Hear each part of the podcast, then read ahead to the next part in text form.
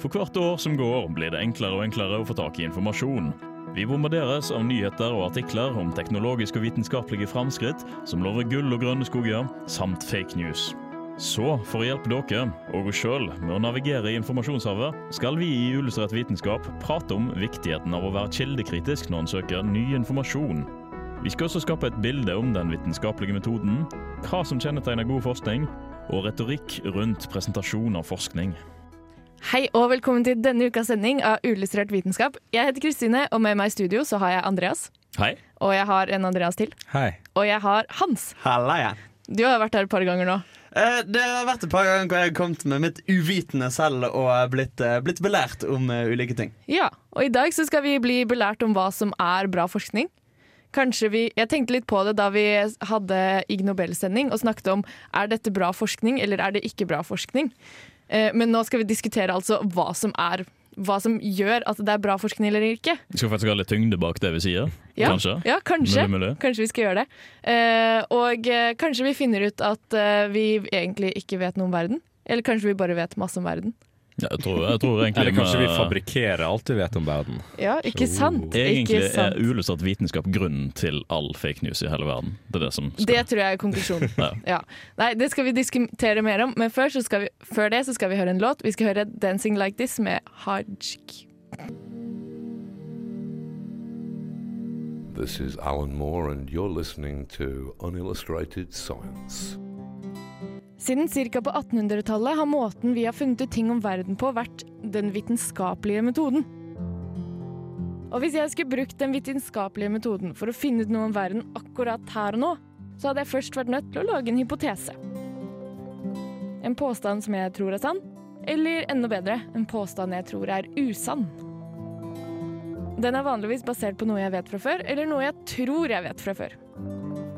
Og så må jeg gjøre mitt beste for å enten bevise eller motbevise påstanden min. Vanligvis er det ved hjelp av et eksperiment, men da må eksperimentet være bra laget, det må ha minimalt med feil, og helst ha kontroller. Jeg må gjøre alt veldig nøyaktig, og jeg må også være helt sikker på at det ikke er noe galt med det utstyret jeg bruker, sånn at jeg kan stole på resultatene mine. For eksperimentet vil gi et slags resultat. Enten så stemmer alle observasjonene med hypotesen, eller så gjør de ikke det. Og sannsynligvis så gjør de da ikke det.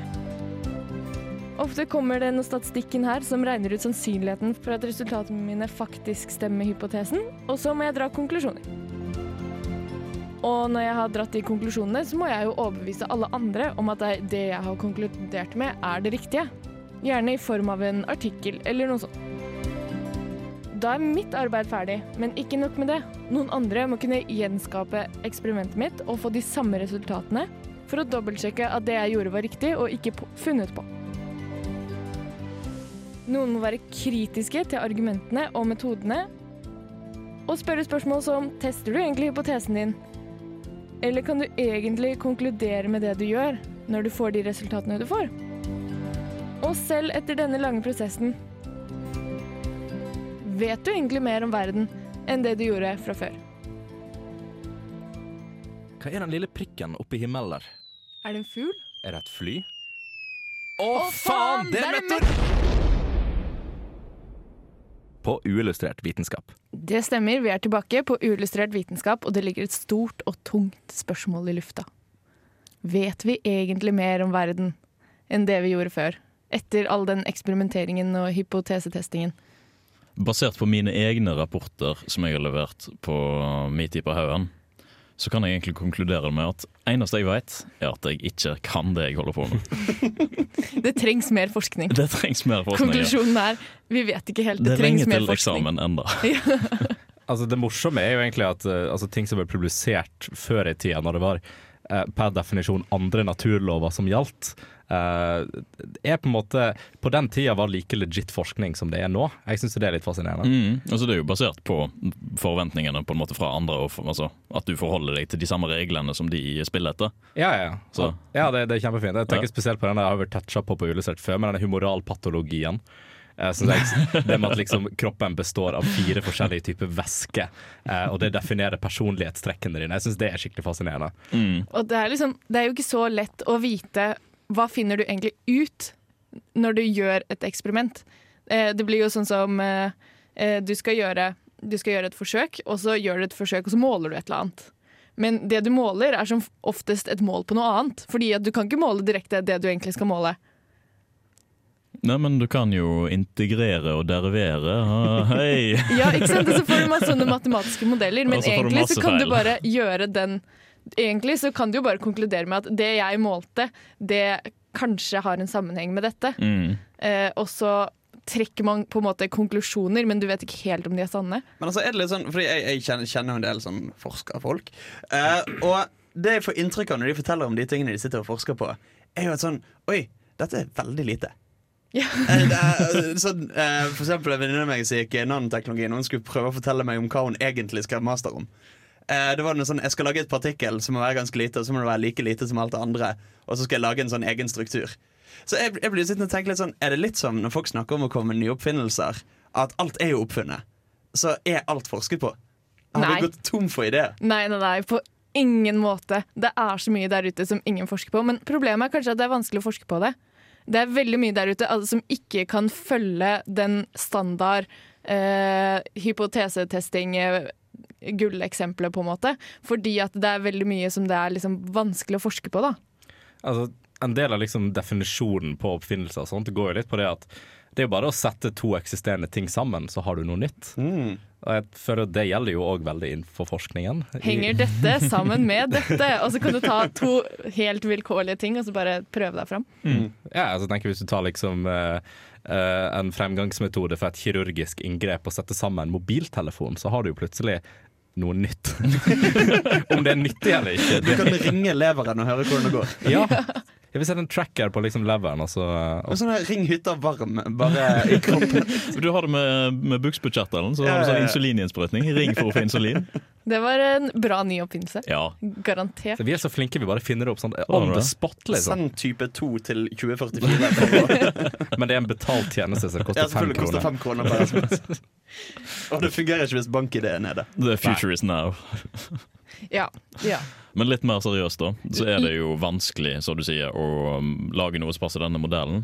Ja, altså, det er liksom Alle har lyst til å følge den, men det blir på en måte sånn som i medisinen, da, hvor liksom standarden, gullstandarden er randomiserte, kontrollerte studier med liksom at eh, du har placebo og alt mulig. Mm. Eh, og så er det ikke alltid det går å lage en sånn studie. Fordi at eh, for eksempel skal du forske på noen som er deprimerte, da. Så kan du ikke måle det på noe objektiv måte. Du må jo bare spørre 'hvordan har du det i dag?' Og 'hvordan har du det i dag i forhold til hvordan du hadde i går?' Og så må du liksom bruke veldig mye sånn subjektive ting, og ting som det ikke går an å måle, eller som det er vanskelig å måle. Og kanskje hvis du måler noe, at det er feil på målingene, og at eh, man egentlig ikke vet helt hvordan man skal måle ting. Og da blir det på en måte ikke så lett, da. Og hvis du da får et, hvis du da får et svar ut ifra det, kan du egentlig stole på det svaret? Det er sant. Og så kommer litt den andre um, vinklingen på det med en, altså, å prøve å tilnærme seg den gullformelen. Man kan jo jukse seg til den gullformelen på noe vis ved å gå litt bakover.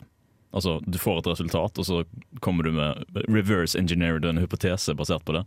Ja, altså, det er vel det teller som en god løsning, kan jo diskuteres. det er vel det kanskje mange gjør, at man gjør et eksperiment, og så finner du ut av et eller annet, og så var det sånn Oi, shit, dette stemte ikke i det hele tatt med det jeg trodde. Nå må jeg lage et nytt eksperiment der jeg prøver å teste dette igjen. Men la oss se på denne morsomme abnormaliteten her, står det i slutten av artikkelen. Ja.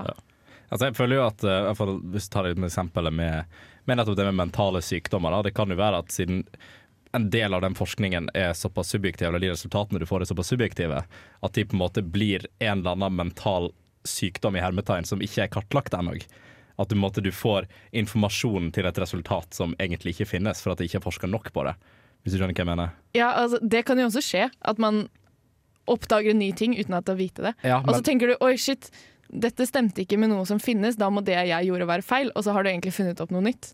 Ja, event eller eventuelt da at de kartlegger eller de setter dette her i noe som allerede finnes, bare for å ha noe å tilnærme det til. Og så blir det på en måte teknisk sett kategorisert feil, da, men du vet ikke det. Det er vanskelig, ass. Det er det. Og, men forskning har også veldig mye andre type eh, jeg vet ikke, hindringer, sånn som f.eks. finansiering. Og kanskje det største hinderet. Det er Altså, kanskje det største hinderet. At det hindrer også på en måte den gullstandarden. på en måte da. Fordi at da vil du, du vil også ha en stor populasjon, og du vil liksom at dette skal Hvis du skal planlegge det ordentlig, så tar det utrolig lang tid. Mm, Men de som finansierer, de skal ha resultater. de skal ha det med en gang. Og de skal ha det med en gang. Og de finansierer forskning for et par år, men det tar mer enn et par år å forske. En klinisk eh, studie tar gjerne et par år. Ja, Litt det- mer enn et par år, ja. Og eh, kanskje har man liksom ikke teknologien til å gjøre ting ennå, og så må man utvikle teknologier og metoder og alt mulig. Det tar jo kjempelang tid. Men det er det også vanskelig å få til. Det var Jeg kom borti en eh, bok som noen hadde skrevet, 'Hvorfor all forskning i dag er feil'. ja. Oi. Eller, ja, Ganske drøy påstand. ja, det var ganske en drøy påstand, men han kom med argumenter sånn som for eksempel at eh, du har eh, for, Hvis du har en liten studie, så er det mindre sannsynlig at det du finner ut, faktisk er sant. Mm. Eh, hvis du har eh, fin, eh, Hvis du blir finansiert av eksterne kommersielle aktører, så og er det mindre sannsynlig at det du finner ut, er sant. Mm. Eh, og hvis du har Jo mer trendy noe er å forske på, også argumenterer han for at da er det mindre sannsynlighet for at det du finner ut, er sant. Det, det er jeg egentlig veldig enig i. Men det, det er som oftest de tingene Altså Det er som oftest det man må gjøre, de snarveiene man må ta i forskningens verden. da At eh, OK, da fikk vi ikke tak i så veldig mange pasienter, så da må du lage en liten studie. Og du blir eh, finansiert av de som gir deg penger, og da tar man penger fra hvor som helst, på en måte, nesten. Og så Og det som er trendy å forske på, det er jo mange som gjør, da, fordi at det, det er kult. Jeg tenker sånn, Det er jo også ganske vanskelig å definere størrelsen på en studie hvis ikke du er helt Du setter jo på en måte ikke øvre maksgrense. Hvis du skal ha en studie på liksom, mennesket. så er jo på en måte øvre grense alle mennesker i hele verden. Så Ja. liksom, hvor stort er stort nok for at den studien her skal være bra nok? Og for Du ser jo sånn studio med f.eks. 1000 mennesker opp mot 10 000 mennesker. Det er en veldig drastisk forskjell i det. Eh, men igjen, er 10 000 mennesker nok for at det skal være en konkluderende studie? liksom? Mm. Det må man jo bare argumentere for at det er eh, Man må bare finne argumenter for at det er en stor nok studie. Ja. Da må man også sammenligne med etnisitet og ikke minst omfanget til studiet. Altså Skal man se på eh, en veldig snever målgruppe, så er det jo kanskje nok med et snevert antall mennesker. Men altså, noe som gjelder noe generelt, så må du ha en veldig stor eh, gruppe. Du må ha en god grunn for å gjøre det du gjør, da. Rett og Uansett. slett. Ja. Eh, og med det så kommer vi videre til det vi skal snakke om etterpå, og det er og det å formidle forskning og formidle det man driver med, og kunne argumentere for at det, er en, det man gjør, er en nyttig ting å gjøre. Før det så skal vi høre låta 'Whitney' med Gavin Turek. Hei, Torfinn eh, Borchhus fra NRK her. Du hører på Uillustrert vitenskap. Det stemmer, vi er tilbake med uillustrert vitenskap på Radio Revolt, og nå har vi kommet til formidling av forskning. Hvordan skal vi gjøre det, Hans? Nei, altså for det er jo det jævla problemet jeg skulle til å si. Fordi eh, denne vitenskapelige metoden og alt det her er jo veldig fin for å finne ut av ting. Problemet er at forskere tør aldri å komme med noen konkrete, gode påstander som folk forstår. Eh, for de sier jo aldri sånn Her fant vi at sånn er det. De sier at sånn Uh, Masse etterprøvd forskning kan tyde på at det kan finnes en sammenheng mellom. Uh, folk blir jo ikke overbevist av det. Eh, folk sitter og tenker oh, ja, ok, så dere bare tror dere har et eller annet. Så det, Og det, så kan folk løpe rundt og si at ja, men dette vet ikke forskerne. Så kli klimaendringer er løgn, og vaksiner eh, gir autisme. Ja, men det er liksom, jeg tror kanskje det er litt sånn fordi at forskerne vet hvor lite de egentlig vet. Mm. De, er, de er så fullstendig klar over det selv at, Ja, ja. det, at man tør på en måte ikke komme med påstander fordi at man er man er, man er faktisk ikke helt sikker. Ikke nødvendigvis det at uh, man er klar over hvor lite man vet, men altså, man vet jo masse om sine ting, men man er obs på at et lite avvik kan bety at dette ikke er sant. Altså Dersom det er et bitte lite avvik som eh, ikke bekrefter eh, hypotesen helt 100 så er det stor sjanse for at det ikke er helt riktig. Ja. Jeg tror også at det kommer litt av den der egentlig samme som politikermetode, i den forstand at du tør ikke være helt konkret på ting, fordi da blir du stempla med den forskningen. Og det er, sånn, det er litt sånn som du sier, Haugland, det at du, hvis det er noe som helst avvik, så blir du liksom sett på som en løgner umiddelbart. Så det å være litt sånn vag kan liksom Det, det hjelper deg personlig, da, føler jeg. Og så hjelper det jo heller ikke at eh, skulle jeg si, begrepene er upresise alt etter hvem du snakker med. Eh, for eksempel ordet teori betyr jo forskjellige ting. Eh, om mannen i gata nevner at han har en teori, og om en forsker sier at han har en teori. Ja. så er det en ganske vesensforskjell i hvor sikker en er i sin sak. En eh, forsker, forskningsteori er jo nesten eh, he helt sann. Den er så sann sånn, som det eh, blir. Du, jeg har en teori om at Rifle driver og tar, tar maten fra kjøleskapet mitt. Ja. Så jeg er ikke nødvendigvis etterprøvd. Nei, da, da, da kommer du til sånne argumenter som Jo, men det er jo bare en teori. Ikke sant? Uh, som for eksempel evolusjon uh, Ja, ja. får på seg. Uh, og da har du et jævla problem nå, liksom. Når han skal krangle med folk, da, som er idioter. Stiller jo de bare seg på bakbeina. Er. Og så, og, så vet, og så får man jo alltid Det er alltid et eller annet i forskningen din som går galt. Enten så er det liksom maskinen, eller så er det Du har en eller annen eh, prøve som er liksom bare fucker opp all statistikken din, Mm. fordi at den ligger utafor alle andre prøvene, og så må du på en måte ta hensyn til den fordi at den er der. Eh, og så kan du si at det, ja, men jeg er 86% sikker på dette, og så, og så sier noen ja, men 86 da, det er jo ikke 100. Nei, nei, fordi du skjønner onk Kompisen til onkelen min Han er nemlig 100% sikker. Ja. Men ø, å være 86% sikker på noe, det er, da er du Ja. egentlig ganske sikker, altså. det. Jeg jeg vet ikke hva som skal til for å endre det. Fordi en må jo nesten ha den usikkerheten i forskningen. Eh, for en kan jo ikke si ting helt 100% sikker, for det er jo ikke sånn vitenskapelig metoden fungerer. Nei, ting endrer seg jo hele tiden. Ikke sant? Så kanskje jeg kunne hatt noen sånne her, eh, renegade scientists som får sånn hjemmel til å bare komme med, komme med konkrete påstander.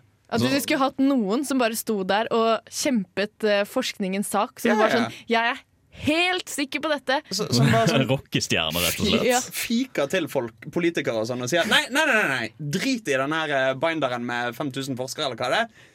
Det finnes klimaendringer, og det er vår feil. eh, som faktisk tør å si noe litt sånn konkret. da Mm. Vi skulle nesten hatt det. Bare ansatt noen til å kjempe vår sak. Mm. Nei, men Jeg var på et foredrag med en fyr som, for, som fortalte litt om det, hvordan formidle egentlig forskning. Og ofte så er det jo også det at det blir det blir veldig um, vanskelig for folk å forstå hva man driver med. For det man gjør da, er at eh, Sånn som hun eh, du snakket om, da. Som Ja, for- forsket på noe sånn veldig, sånn veldig spesifikt. Hun har prøvd å forklare det flere ganger til meg, og jeg skjønner det fortsatt ikke. Det, er veldig, altså det man gjør, er ofte veldig, veldig veldig spesifikt. Fordi at det er vanskelig å forske på noe stort, liksom. For du må, være litt, du må være litt spesifikk for å kunne finne ut spesifikke ting. Eh, og, og da blir det liksom veldig fort at det, det er bare et par stykker i verden som driver med det, og da må du Da er det vanskelig å forklare det til noen andre, for det er lite man kan relatere det til. da. Mm. Altså, problemet òg er jo at motstanderne av vitenskapen argumenterer mye sterkere enn de som eh, faktisk har god vitenskap. Ja, men Det kommer jo veldig igjen i det um, som mange merker. Så du har lest en artikkel på Reddit i fem minutter, og du Ikke føler sant? deg skikkelig cocky og confident at dette her kan du masse om. Uh, og det er de idiotene som legger ut og forklarer masse. Det er jo de som på en måte Å, jeg har løst dette her, og bare legger ut i vei. Og så har du de som faktisk, ja, som vi nevnte, ikke vet at de ikke kan så masse, f.eks., Mm. men de har forska mye på det. Som er passive. Det er jo Dunning-Kruger-effekten. Ja. Altså, nå, møter, nå møter en jo også på de der som er Si at du, si at du har to motsidende argumenter, og begge sier at de er 100% sikre. Så er det sånn Hvilken skal du egentlig stole på? Hvem er på en måte best Hvem er best kreditert? Hva, hva skal en liksom ta inn i betraktning når en velger hvilken av disse helt motstridende, men ekstremt sikre vitenskapene en skal velge? Mm. Ja. Og det er jo mye av det vi på en måte sliter med nå. Det er jo egentlig det som er grunnen til at folk ikke tør å si at dette er 100 sikkert. Altså, du, har, du har et grunnleggende retorisk problem i at mange av de som er mot eh, Som mener dumme ting. Eh, altså De som mener at jorden er flat, de som mener at vaksiner fører til autisme, de som mener at GMO er usunt for deg, og alt mulig sånn. Eh, de kommer med argumenter som er argumenter vi òg bruker mot dårlig forskning. Altså at De sier at nei, men de forskerne er bare kjøpt og betalt. Eh, og nei, men det ligger, det ligger noen baktanker bak. De prøver bare å bekrefte sine egne meninger. Og problemet er jo at når vi skal slå tilbake, så bruker vi akkurat samme argumentene, bare i motsatt retning. Så man har en, jeg skulle ikke si en sirkel, men hvis det går motsatt vei, så er det jo vanskelig å lage en sirkel. Men ja, men det er jo nettopp, det det, er det, det, er det. bare sånn en meme med to Spiderman som står og peker på hverandre. Ja, sånn, du har feil. Nei, du har feil. Nei, du har Nei, feil. du har feil. Nei, slutt, du har feil. Altså det blir jo, det blir bare altså Det er jo to ekkokammer. Sant? Og problemet som går veldig mye på sånt når man skal formulere forskningen, er jo det at de som du vet er på din side, de gir deg all den tilbakemeldingen, all den positive tilbakemeldingen til det du holder på med. Og så har du det på begge sider, og så blir det sånn Altså det er jo Altså, du kan jo sammenligne det ekstremt med type presidentvalget i USA i 2016. Ja, ja. Der alle var Herregud, satt opp mot hverandre. skrikekamp og og Ja. den som roper høyest og Og den som roper fake news først. Ja, ja, basically. sant, ja. Uh, vi skal jo snakke litt mer om det seinere, men altså, du nevnte også det med hvordan skal du velge Eller du som nevnte det, kanskje. Hvordan skal man velge hvilke av disse her som er riktig? Og sånt. Hvem har man mest tiltro til? Og det er jo dessverre ofte den som har mest artikler eh, som er kjent. Mm. Altså, Hvis du ser på politisk sett, så er det ofte den som roper høyest, den som har vært mest i mediene, som får mest tiltro. Det er ikke en bra ting i det Det hele tatt. bra ting det hele. Eh, men det er sånn det funker, dessverre. Du kommer ikke så langt med det argumentet. Nå har jeg sittet og forsket på dette i 20 år, Nei, nei, nei. og jeg har brukt åtte til fire hver dag på å lese artikler om dette temaet, og jeg, derfor kan jeg det best. Mange stoler jo på Donald Trump fordi han er president av den grunnen. Det er ingenting annet enn det som gjør at uh, Det var ikke meningen å gjøre dette politisk, det var mer et eksempel. Men ja, ja, Men det- det, det er jo- et- veldig fort en Ja. vei dit. Et kvantitetsproblem òg, ikke sant? Fordi Trump og kompani De finner jo Breitbart-artikler og alt mulig som mener ditten og datten. Det er jo ikke sånn at uh, de som er Nei til vaksinering av barn, uh, Facebook-gruppene, de leser jo ikke Nature. På en måte Ja, men det er igjen, du toucher inn på det med ekkokammer. Du Ja, ja. henter bare ut de kildene som støtter din sak, og det er jo Det kommer vi jo inn på Det kommer jeg inn på litt, eh, litt senere, det med liksom etikken rundt det. Uh, og Så ja, det toucher vi inn på, men det blir et ekkokammer veldig fort. Det blir sant? det. Uh, og det er veldig spennende, men jeg tenker nå at vi går videre til Hey. etikken rundt det. Men før det så skal vi høre en låt, og vi skal høre 'Nothing I Can Say' av Tony Molina. Fornybart. Jeg vil ha enda mer! Ren energi. Det må jeg si var helt OK.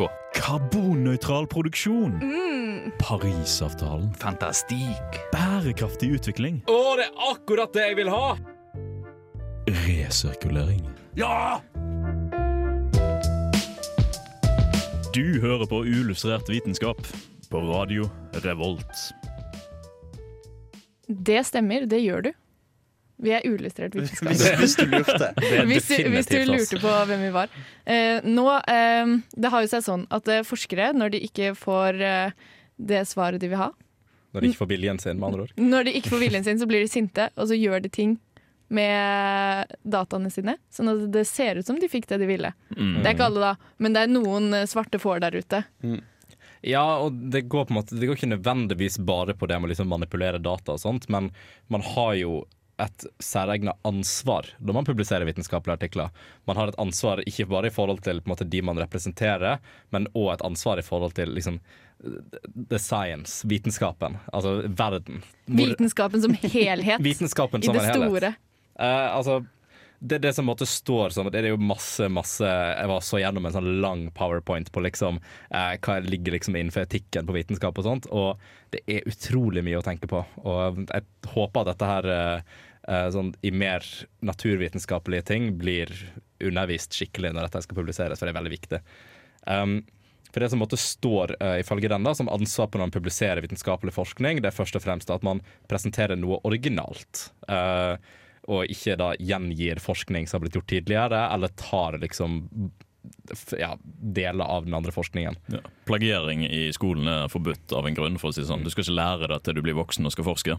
Jo, men det er ikke nødvendigvis, det er ikke nødvendigvis plagiering akkurat det går på. Nei. Eh, det går med på det at du skal du, du, du kan på en måte bruke tidligere informasjon som en basis, uh, men at det du presenterer er på en måte i hvert fall et nytt syn. Eller i hvert fall det er Ja, litt sånne ting. da. Um, At du tilfører noe nytt. Du har ikke lov til å gjøre nøyaktig samme studien på nytt. nei, for at det er jo tapervirksomhet. Ja. Det er Jo, jo, men eh, for å, for å for eksempel bekrefte noe noe andre har gjort, da. Hvis du tenker sånn Oi, det der var rart, kanskje jeg skal teste om det funker. Jo, men da er det på en måte ikke igjen den type forskning. Men jeg skulle til å si, akkurat det er jo et konkret problem, at det er lite etterprøving. Fordi det er ikke noe sexy å drive etterprøveforskning. etterprøve forskning. Mm. Du får ikke penger til det. Nei, sant? Det er jo allerede bevist eller ikke bevist. Ikke sant? Vi burde ha sånn der, eh, altså Hvert år så er vi nødt til å gå gjennom all forskning på nytt. Da hadde vi kommet kommet all langt forskning. i denne verden. Mm. Da hadde den teknologiske nyvinningen gått fort. Nei, du tar, du tar det på skippertak eh, natt, natt før det skal leveres. Ja, ja, selvfølgelig. Da blir det bra forskning. Alltid bra forskning. Nyttår hvert år. Mm. Det som må ligge inn for dette her, er at alle som på en måte har blitt inkludert i forskningen din, skal være klar over at det blir publisert. Eh, det er jo på en måte det er ganske selvforklarende. Du, skal ikke, du kan ikke gi ut forskning som at ikke alle er enige om at skal gis ut. Um, og så er det også, den er litt interessant, det er enighet at uh, du må ha en enighet i at forskningen din kan gjennomgås av anonyme kritikere. Ja.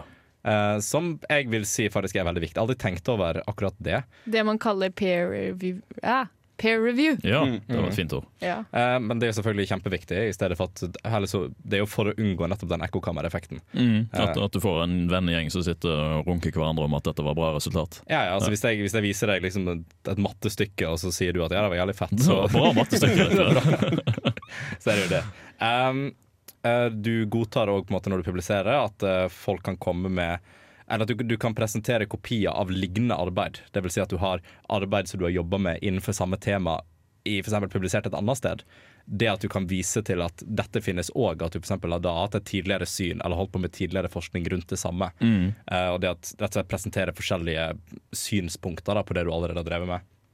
Uh, og så er det selvfølgelig ganske åpenbare greier at du har lovlig tilgang til all brukt grafikk, og at alle kilder er legit. Det er liksom det du må stå til ansvar for når man skal publisere en vitenskapelig artikkel. Det er ganske mye ansvar. Mm, det er veldig mye. Men det er veldig riktig og viktig. Jo, men Ja, det, ja, det det er er my mye med etikken her som jeg syns gjør det litt vanskelig òg. For det er jo enkelte ting som er vanskelig å forske på hvis de som blir forsket på, vet at de forskes på. Ja. Ja, men da må Ja. Så Men- men- hvordan kan du da få genuine resultater når det blir litt sånn Schrødingers katt-effekt, skulle jeg si? Hvor det å observere påvirker det du observerer. Sånn som eksempel eh, treningsstudier for å sjekke om folk eh, eh, Ja. Får effekt ut av treningen. ja. Og når de blir observert, så vil de automatisk på en måte ha en sunnere livsstil enn det de ville hatt hvis de ikke ble observert, fordi de vet at de blir observert. Ikke sant? Mm. Men uh, akkurat det med å gjengi folk som gjør ting, altså eh, gjengi de rapportene, Mm. altså testobjektene dine. I, i Ig Nobel-sendingen så snakket vi om den uh, dyrehageprisen der man observerte uh, handlinger og interaksjoner mellom gjester og dyr. Og det var jo Ja, anonymisert. det. Det. var jo snakk om flere hundre personer som ikke har blitt gjengitt, bare populasjonen ble gjengitt, ikke hvem de gjorde. Uh, men der var målingene og observasjonene notert med penn og papir. Ikke med video eller noe sånt det, fordi nettopp det var etter de svenske retningslinjene for at man ikke kunne filme det, fordi da må man ha samtykke fra absolutt alle. Ja, ja det, men det, det stemmer det. det. Men det er jo igjen Problemet også er jo at det er ikke nødvendigvis en enighet, sånn spesifikk enighet på hvordan alt det skal gjennomføres heller. Eh, og da blir det jo litt sånn Altså Jeg tror på en måte det du nevner som var med i den, forskning, den type forskning, det er på en måte det nesten objektivt riktige. da Ja. Eh, Men det er jo selvfølgelig det, det er vanskelig å definere det fullstendig. da Det er jo derfor man har etiske komiteer som sitter og diskuterer hvert forskningsprosjekt man skal starte.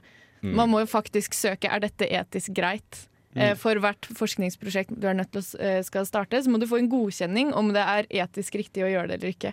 Og da er du en egen komité av mennesker fra forskjellig bakgrunn som vurderer det, om det er greit eller ikke. ja. Det er veldig greit. For noen av de problemene man møter på innenfor dette her, er jo det som heter liksom scientific misconduct, eller generelt vitenskapelig dårlig oppførsel. Eh, som faktisk er den, Har du den vært en slem vitenskapsmann?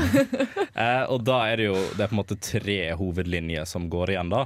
Eh, og det er jo det er plagiat, det er falsifisering og fabrikkering. Ja. Sistnevnt er vel noe som forekommer veldig ofte dersom man skriver artikler for eh, bedrifter, f.eks. Ja. Uh, ja, det går jo spesielt mye sånn Veldig mange salgstall Ja. uh, toucher innom det der, med at du bare sånn Å ja, det har jo ikke noe å si om jeg legger til en null her, ingen kommer til å gå gjennom det uansett. um, og Det det er fælt. er veldig fælt. Tenk det er liksom, Folk tror det er fakta, så er det ikke det. Fordi du har bare lagd det. Det er samme som han der eh, vaksiner gir autisme-karen. Han lagde jo bare alle Mm. resultatene sine. Mm. Det var jo ikke en ekte studie. Nei, det er, det er sånn han burde liksom gått gjennom eh, Han gjorde det åpenbart ikke, han burde gått gjennom liksom, etikken i seg sjøl og moral.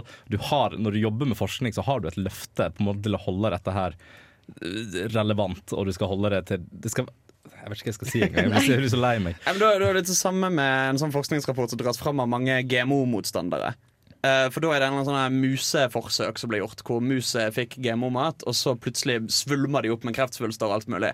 Eh, hvor som folk, ja, men hallo, du hadde sånn fem mus, eh, og de fikk eh, bare drittmat, så du tvangsfòrte de.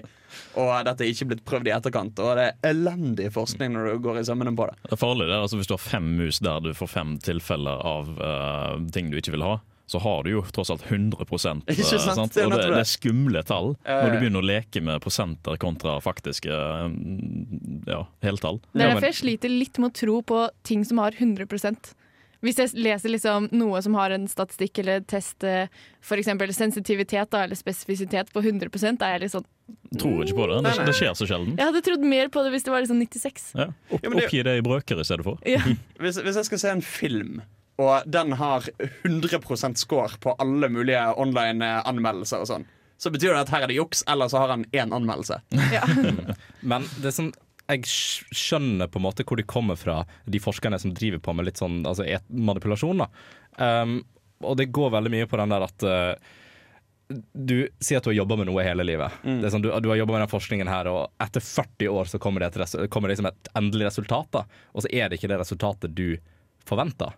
Så ser jeg jo altså Jeg er ikke, absolutt ikke enig i måten det blir gjort på, men jeg ser på en måte at det er så lett å bare liksom, Hvis jeg tar bort den P3-disken og bare Den gjaldt ikke likevel. Eh, så jeg, jeg skjønner jo hvor det kommer fra. Jeg skjønner motivasjonen til, til de det skjer med.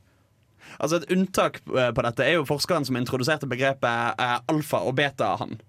Eh, som var i forbindelse med flokkatferd hos uh, ulver. Ja, Den har jeg lest på. Uh, for da, da er jo hele poenget at Han hadde da sett på, sett på ulveflokker og hvordan hierarkiet fungerte innad i flokken. Og så konstruerte han dette med at du har liksom alfahannen, som er liksom sjefen, og chadden, basically. Og så har du beta-køksene, som får spise sist. og alt mulig sånn. Og så publiserte han dette, og så har dette blitt tatt i bruk av mange kjipe folk på internett. Eh, i overført betydning Og så i etterkant har han forskeren eh, forsket videre på ulv og funnet ut at sånn Oi! eh, alt all denne forskningen jeg ble berømt for, er kjempe, kjempefeil. Eh, Så han gikk jo da ut og, um, og sa til folk at sånn Dette stemmer ikke. Jeg forsket på ulver i fangenskap. Etter å ha observert det i det ville. Drit i alt jeg har sagt. Dette er ikke riktig. Ja, for fant han ikke ut at det var liksom Det var sånn mamma og pappa? Jo. Eh, Basically. Bare familiestruktur, egentlig. Ja, ja, ja. Ja, og det er på en måte ikke så lett da, å finne ut, eller å vite hvordan, eh, hvordan man skal komme til bunns i dette. Men vi har Vi prøver å Vi prøver. samle noen tips Ja. som, vi skal, eh, som vi kan eh, presentere for dere til å lese forskning. Finne ut om det er bra forskning eller ikke. Men før det så skal vi høre en låt, og det er 'Hvite bygninger' av Jon Olav. Uillustrert vitenskap er dritkule. Det Dere er det beste programmet ever. I love you guys. Hilsen super, hyperfan. Det var en hyggelig hilsen. Det er faktisk en av de hyggeligere hilsenene jeg har fått i dag. Ja, Ja. det var hyggelig. Ja, du sier at den var bare til deg. Ja. Vi er en enhet. Vi er en Ja, enhet. ok, Vi er en greit, enhet greit. bestående av flere mennesker som gjør hardt arbeid. Han er superfan av hele programmet. Mind. Og nå har vi snakket veldig mye om eh, hva som er bra forskning, hva Ja. som ikke er bra forskning. Hvordan finner vi ut om dette? Hvis jeg leser en artikkel, hva, hva skal jeg se etter? Det er jo nettopp det som er det store problemet. For det florerer med informasjon overalt. eh, På alle nettsider, på alle mm, steder som publiserer artikler. Hvordan i alle dager skal du finne ut hva som er ekte, og hva som er fake? Er det for mye informasjon? Det er, ja man, man, kan- man, kan, man kan si ja, ja. det er for mye, Uh, men det er for mye i den forstand at det er altfor mye feil informasjon. Altså, Ja. Hadde man kun hatt det som er riktig, så hadde det ikke vært for mye. Da hadde det vært veldig bra. Veldig ideelt. Ja. Du får det du vil ha. Men ja, fordi man skal jo faktisk uh, kunne finne ut hva som er riktig og galt. Og hva er det man må være da? Jo, man må være kritisk. uh, og med det så runder vi av. Nei. Uh, det er det som er definitivt det viktigste. For noen med litt høy utdanning så er det jo en selvfølge at man skal være kritisk. Men det er ikke alle som er oppdratt til det. Man lærer ikke så mye om det å være kritisk i grunnskolen. I, på videregående og sånt. Det er litt begrenset der. Selvsagt man sånn, ja, du skal ha kilder, og så skriver du en wikipedia.com, og så er du ferdig. Eh, men derimot, man må jo etterprøve kildene sine på et vis. Uh, så det kommer jo inn da at man må jo lære seg å sjekke om er det andre mediehus som skriver om dette her. Er det andre som forsker på dette her? Er dette her uh, finansiert av en, en lobby som rett og slett driver med shady ting? Så jeg tenker jo at Det første en kan prøve hvis en er liksom ny på, kjel- ny på kildekritikk, eh, det er jo faktisk bare da hvis en skal bruke Wikipedia og bare gå nederst der det står relaterte artikler, så trykker og så sammenligne resultat. Ja. Oi, oi, Det er oi, oi, kjempefint. oi. Det, der kan en begynne, så kan en ta det videre etterpå. Og så er det også en ting, altså Ikke for å disse Wikipedia, men på Wikipedia så er det jo hvem som helst som kan skrive det. Men Wikipedia har et veldig stort og flott referansebibliotek som man kan sjekke ting i. Og da kan man jo finne nettopp papers og forskning som viser eller støtter opp under artikkelen som du leser om um, hvorfor kveiteboller er sånn som de er. og sånt som det. Altså Det vil en jo fort kunne se altså, hvis du leser en Dagbladet-artikkel om hvordan vaping kurerer kreft, Ja, og så eh, melder vapenation.com, så på en måte kan du jo tenke at her er det Ja, og det kommer inn igjen på den der Dette her er skrevet av eh, Eller på bestilling av en stor industri, f.eks. Mm. Uh, Det var jo masse studier om at røyking ikke var farlig. Tobakk var ikke farlig. Ikke sant? Det har jo blitt motbevist ganske kraftig. Eller hvordan eksempel fett eh, går for å være veldig farlig og usunt for deg, men sukker Nei, sukker er kompisen vår. Ja, men hva med det motsatte? Hva, der eh, Sukker er veldig farlig for deg, men fett er kompisen vår. Jeg tror sukkerlobbyen står sterkere enn fettlobbyen. Ja, sikkert, sikkert. Men, Fettlobbyen. men, men det er jo igjen noe sånn det med å mm, altså, Nettavisen eller Wait Nation sier dette her. Sant? Du må gå inn og se. Er dette her, har, de, er har de renommé for å være bra på forskning? Har de renommé for å skrive saklige ting? Uh, velg om du skal stole på det som Uh, Hvis vi skal ta norske nettsider, stol heller på NRK enn på Nettavisen. Og sånne ting som det. Eller faktisk.no, for eksempel, som er jo veldig bra til sånn Ja, faktasjekk. eh, Og Det minner meg om uh, en ting som uh, vi var så vidt innom i sted, som jeg ikke kom helt til å få si. Men uh, det at et mediehus eh, går ut og beklager seg dersom de har publisert noe så vitenskapelig feil, er en veldig stor faktor når det kommer til tillit. For altså, tross alt, De er jo vanlige mennesker som skriver og publiserer artikler som andre har gjort, så de må jo drive sin kildekritikk, de også. Men ja, sjekk opp at de beklager seg og går ut for det. Uh, tar det på sin egen kappe. Det går på presseetikk. Ja. ja, ja, men det er ikke alle mediehus som gjør det. Nei. Det er det ikke. Nei, for det, det står faktisk i eh, altså tilbake, på, tilbake på det jeg snakka om i stad, med at det står på en måte i de reglene som, som gjelder for publisering og sånt, at det er tatt i betraktning at du har lov til å gjøre ærlige feil. Ja. Det, så lenge du på en måte det, altså Du må anerkjenne at du har gjort feil, Ja. du må rette opp i feilen, eh, og du må komme til grunnlaget til hvorfor dette var feil. Det står liksom som en faktisk regel til det du må gjøre når du publiserer. Mm, det er Det er sant. veldig redelig. Men det er ikke alle som følger han. Nei. Nei, nei, nei. Eh, Så for å oppsummere litt den listen her. eh, ha et kritisk eh, tankegang. Altså når du leser gjennom ting. Stemmer dette? Vurder dette. Eh, sjekk kildene. Renommeet til kildene. Er det andre som skriver om dette? er veldig viktig. Eh, Du kan jo faktisk bruke dine egne innsikter til å undersøke bevismaterialet. Det er kanskje det viktigste punktet på alt dette. her Forutenom det å være kildekritisk og mm, reverse, nei, reverse searche ting. Eh, Man kan jo se etter falske bilder og fotografier, altså manipulerte grafer og sånt, men det tar lang tid. Men å bruke sin egen uh, intuisjon eller egen kunnskaper til å faktisk vurdere om at er dette plausibelt? Man har jo en viss oversikt over hvordan verden fungerer når man er et voksent menneske, og da kan man jo anta altså ja, dette her høres plausibelt ut, dette her er helt fullstendig bakmål. Og Hvis en har veldig dårlig tid og ikke klarer å sjekke kilder, og alt mulig sånn, så er en rask huskeregel at hvis overskriften er et spørsmål, så svarer nei. Ja. uh, har en forsker i Tyrkia uh, funnet homogene? Nei. Nei. Nei. Det har han ikke. Og uh, hvis det er for godt til å være sant, Så er det stort så sett. er det faktisk det. Ja.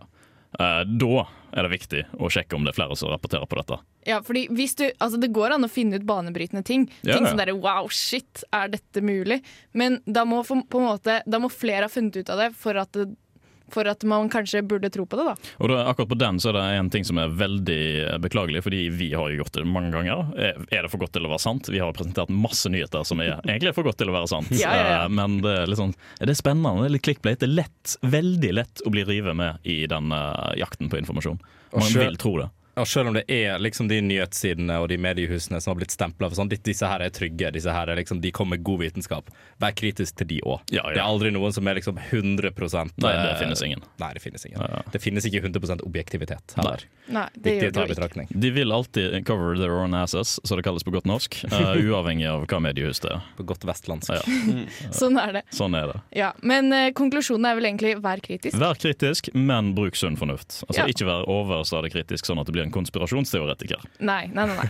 Det hørtes veldig fornuftig ut. Balansen er viktig å finne. Det er Veldig viktig balanse. Og med det så må vi nesten eh, snart eh, runde av eh, denne dagens sending. Men før vi er helt ferdig, så skal vi høre låta 'Blomst' med Isak Shorty.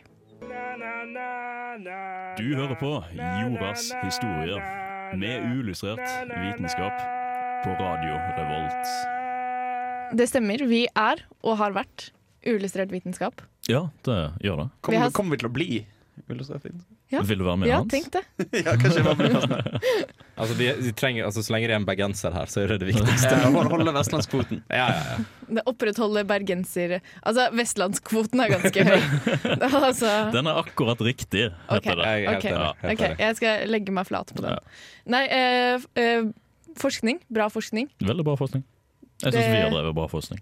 Vi har drevet bra forskning. Vi har fall- ut hva bra forskning er. Vi har jo ikke snakket så mye om det, men vi kan si det at vi har drevet bra en del av en forskning. Altså diskusjon Research. og research. Ja, det er mye. Mm. Mm. Det er, Diskusjon er veldig viktig. Men vi er ikke perfekte, vi heller. nei, vi er ikke perfekte. Ingen. Vi er 99% perfekte. Men altså, konklusjonen er vær kritisk, følg de etiske reglene, og ikke vær en kødd når det kommer til forskning. Forsk riktig. Og fikk til gjør en det klimafornekter. Vit hva du driver med. Ja. Rett og slett. Bruk eh, tankekraften din, altså Mm. hjernekraften din. Ja. Ja. Rett og slett. Og med det så runder vi av ukas sending. Ja. Eh, lik oss på Vi har fått Instagram-konto. Vi har fått Instagram-konto. Vi ligger på, uh, på ett uillustrert vitenskap på Instagram. Følg oss gjerne der. Kommer sannsynligvis ut litt backstage og moro. Eh, Masse danke-memes. masse denkememes. Og eh, fun facts. Yes. Ja. Eh, hvis ikke så har vi også en Facebook-side. Gi oss en like. Still oss spørsmål. Kom med kommentarer. Det er kjempegøy. Og vi eh, tar det på lufta, Mhm. rett og slett.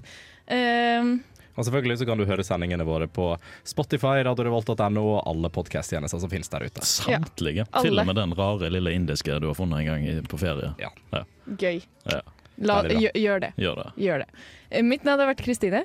Og med meg i studio i dag så har jeg hatt Andreas Ha det bra. og Andreas Ha det bra. og Hans. Vi snakkes. Ha det bra.